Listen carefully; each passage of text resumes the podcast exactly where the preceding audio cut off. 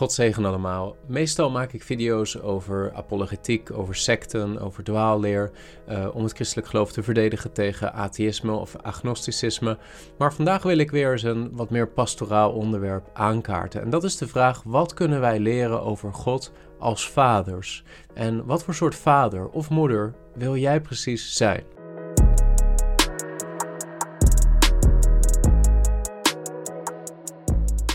Wanneer we nadenken over wat het betekent om bijbels, om christelijk vader of moeder te zijn, dan zijn er een aantal teksten die al snel bij ons opkomen. Bijvoorbeeld Matthäus 19, vers 14 bijvoorbeeld, waar de Heer Jezus, wanneer zijn discipelen kinderen die door hun ouders naar hem toegebracht worden, uh, tegen willen houden, omdat ze denken dat Jezus wel iets beters te doen heeft dan die kinderen zegenen en de handen opleggen, dan zegt Jezus in Matthäus 19, vers 14, laat de kinderen begaan en verhinder hen niet om bij mij te komen, want voor zodanig is het koninkrijk der hemelen. En misschien denken we ook nog wel aan het vers van Paulus in Efeze of Succes, vers 4, waar Paulus zegt: Vaders, wek geen toorn bij uw kinderen op, maar voed hen op in de onderwijzing en de terechtwijzing van de Here. En dat zijn hele belangrijke versen die ook iets laten zien van het hart van God ten aanzien van vaderschap. Wat het betekent om vader te zijn. Wat het betekent om uh, het beeld van God te dragen, die ook zelf een vader is. En te reflecteren in het ouderschap, wie hij wil zijn ook voor ons en voor onze kinderen. Maar ik geloof dat we nog wel meer kunnen leren over God als vader. Ook in Bijbelteksten die misschien niet direct geboden bevatten voor ons ten aanzien van hoe we vader zouden moeten zijn, maar die wel iets laten zien van hoe God als vader is. En ik wil graag met jullie kijken naar een aantal gedeelten uit de bergreden, waar Jezus ons iets laat zien over wie de Vader is. En dat proberen ook toe te passen op onszelf. Ik ben zelf vader van drie jonge kinderen. Um, en dat maakt ook dat ik het soms op mijn hart heb om gewoon iets te delen over ja, wat ik probeer eh, toe te passen vanuit de Bijbel in mijn eigen leven als vader. Mijn leven draait niet alleen maar om geloofsverdediging of apologetiek of over secten, maar eigenlijk het dag tot dag leven als vader in een gezin gaat veel meer over wat voor soort vader wil ik zijn en uh, wat voor soort vader ben ik in de praktijk. En uh, ik bid dagelijks om genade van God om een goede vader te zijn. Maar wat betekent het om een goede vader te zijn? Ik geloof ten diepste dat dat betekent dat je iets weerspiegelt van wie God is als vader in de manier waarop je zelf omgaat en tijd neemt voor je kinderen. Maar uh, laten we eens kijken naar een aantal versen. En deze versen worden vaak niet geassocieerd met um, bijbelse lessen over vaderschap. Tegelijkertijd zeggen ze wel iets heel dieps over wie God is als vader. En vervolgens kan dat ook iets betekenen voor jou en voor mij. Uh, en dat geldt natuurlijk net zo goed voor moeders, maar omdat ik zelf man ben en vader, uh, is voor mij wat natuurlijker om het te hebben over vaderschap. Maar de dingen die ik ga zeggen, ook al heb ik het veel over vaders, gaan natuurlijk net zo goed over moeders. Matthäus 6, vanaf vers 3, gaat over geven. En de manier waarop eh, God wil en de Heer Jezus onderwijst dat wij zouden moeten geven. En dat we dat niet moeten doen om gezien te worden door andere mensen. Maar, Matthäus 6, vers 3, als u een liefdegave heeft, laat dan uw linkerhand niet weten wat uw rechterhand doet. Zodat uw liefdegave in het verborgene zal zijn. En let goed op. En uw vader die in het verborgene ziet, daar gaat het me om. Uw vader die in het verborgene ziet, zal het u in het openbaar vergelden. Die formulering die gaan we nog een paar keer tegenkomen in de bergreden. Kijk met mij naar de versen daarna. Dan heeft de Heer Jezus het over hoe we zouden moeten bidden. Vanaf vers 5 van Matthäus 6. Wanneer u bidt, zult u niet zijn als de huigelaars, want die zijn er zeer op gesteld om in de synagogen en op de hoeken van de straten te staan bidden, om door de mensen gezien te worden. Voorwaar, ik zeg u dat zij hun loon al hebben. Maar u, wanneer u bidt, ga in uw binnenkamer, sluit uw deur en bid tot uw vader, en daar heb je hem weer, tot uw vader, die in het verborgene is. En uw vader, die in het verborgene ziet, zal het u in het openbaar vergelden. Als u bidt, gebruikt dan geen omhaal van woorden zoals de heidenen, want zij denken dat zij door de veelheid van hun woorden verhoord zullen worden. Word dan aan hen niet gelijk, want, let goed op, want uw vader weet wat u nodig hebt voordat u tot hem bidt. En tot slot, dan spreekt de Heer Jezus niet over geven of over bidden, maar over vasten. En dan maakt hij duidelijk, wij moeten niet vasten om gezien te worden door andere mensen en een soort geestelijke reputatie te bouwen bij andere mensen. Maar, zegt Jezus vanaf vers 17 van Matthäus over succes, maar u, als u vast, zalf dan uw hoofd en was uw gezicht, zodat het door de mensen niet gezien wordt als u vast, maar door uw Vader die in het verborgene is. Daar heb je hem weer, die in het verborgene is. En uw Vader die in het verborgene ziet, zal het u in het openbaar vergelden. En deze verse en deze formulering die Jezus steeds opnieuw herhaalt, leren ons iets heel dieps en iets heel krachtigs over Gods vaderhart en wat voor vader God is. Want als je de verse op het eerste oog doorleest, dan zou je kunnen denken dat het vooral benadrukt dat we niet moeten vasten, geven of bidden om door andere mensen gezien te worden. En dat is ook zo. Ons wordt onderwezen door de Heer Jezus hier dat wij zouden moeten bidden, geven en vasten voor onze Vader in de hemel. En niet voor mensen of voor een soort geestelijke reputatie. Maar Jezus zegt ook iets anders. En daar lezen we vaak overheen. En dat is uw Vader die in het verborgene is. Uw Vader die in het verborgene ziet. Uw Vader die weet wat u nodig hebt voordat u tot Hem De versen laten niet alleen maar iets negatiefs zien, zo van doe dit niet. Maar ze laten ook iets heel positiefs zien. En dat is dat wij een hemelse vader hebben. Als je christen bent en opnieuw geboren bent, heb je een hemelse vader die jou ziet. Een vader die jou ziet niet alleen maar als je op het plein bent of op de plekken waar iedereen is, maar juist een vader die in het verborgene is. Een vader die jou ziet wanneer je ehm, de deur sluit, naar de binnenkamer gaat en de deur achter je sluit om alleen te zijn met Hem. Daar is de Vader. Daar ziet de Vader jou. En wat leert het ons over God als Vader?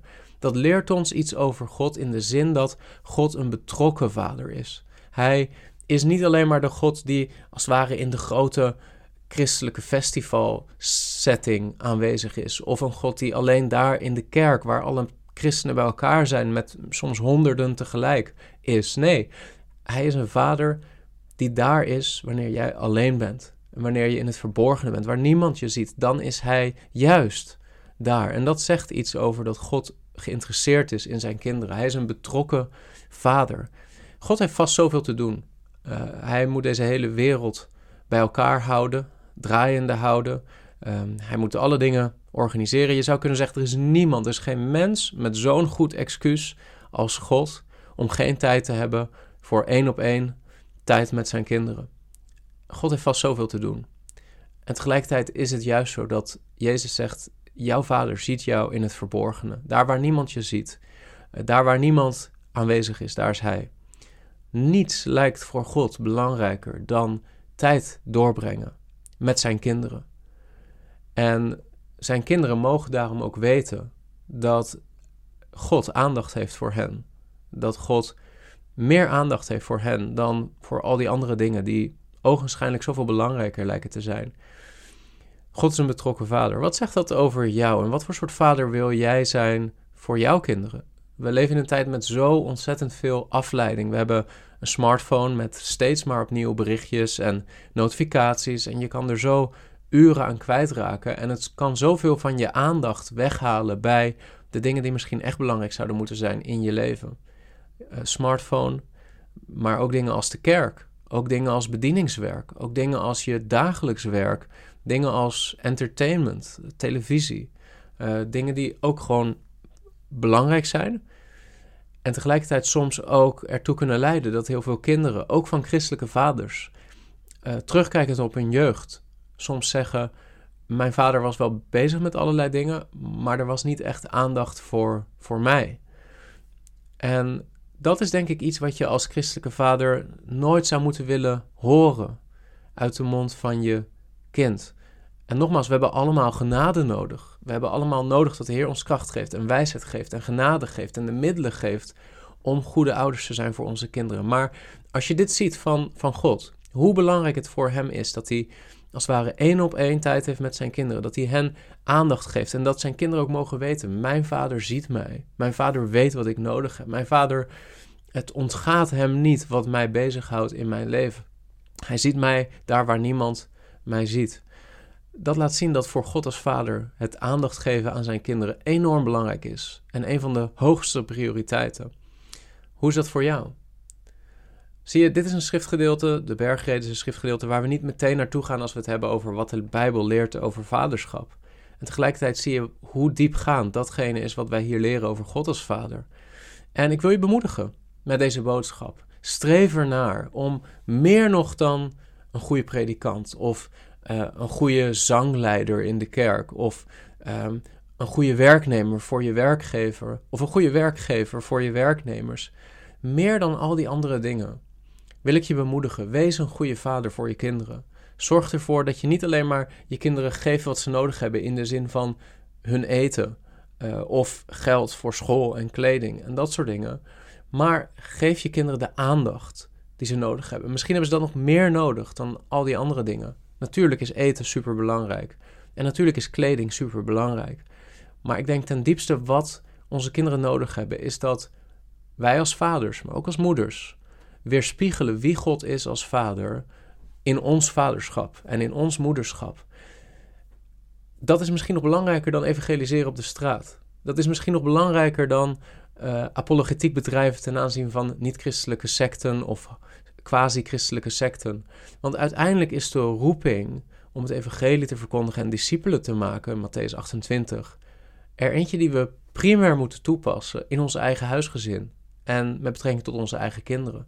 En dat doen we niet slechts door dagelijks Bijbel te lezen met onze kinderen of door ze goede theologie bij te brengen, maar meer dan dat, door een model te zijn van wie God is als vader. Natuurlijk is het gemakkelijk om te denken dat je goed genoeg je taak vervult op het moment dat je geen grote fouten maakt in de manier waarop je je kinderen opvoedt ten aanzien van dingen als mishandeling of nou ja, dingen die soms ook echt gruwelijk fout gaan in gezinnen.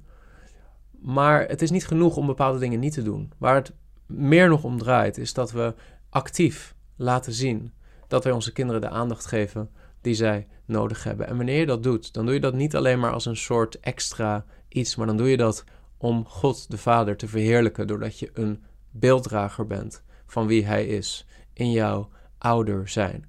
Ik wil je bemoedigen om daarnaar te streven, om daarnaar te zoeken, om een goede vader te zijn, zoals God een goede vader is. En ik bid mezelf dat toe, maar ik bid ook jou dat toe, dat we daarin zullen groeien en meer en meer Gods beeld en Gods liefde zullen weerspiegelen daarin. En toch nog even terugkomend op de versen die we hebben gezien. Efeze hoofdstuk 6 vers 4. Vaders, wek geen toorn bij uw kinderen op.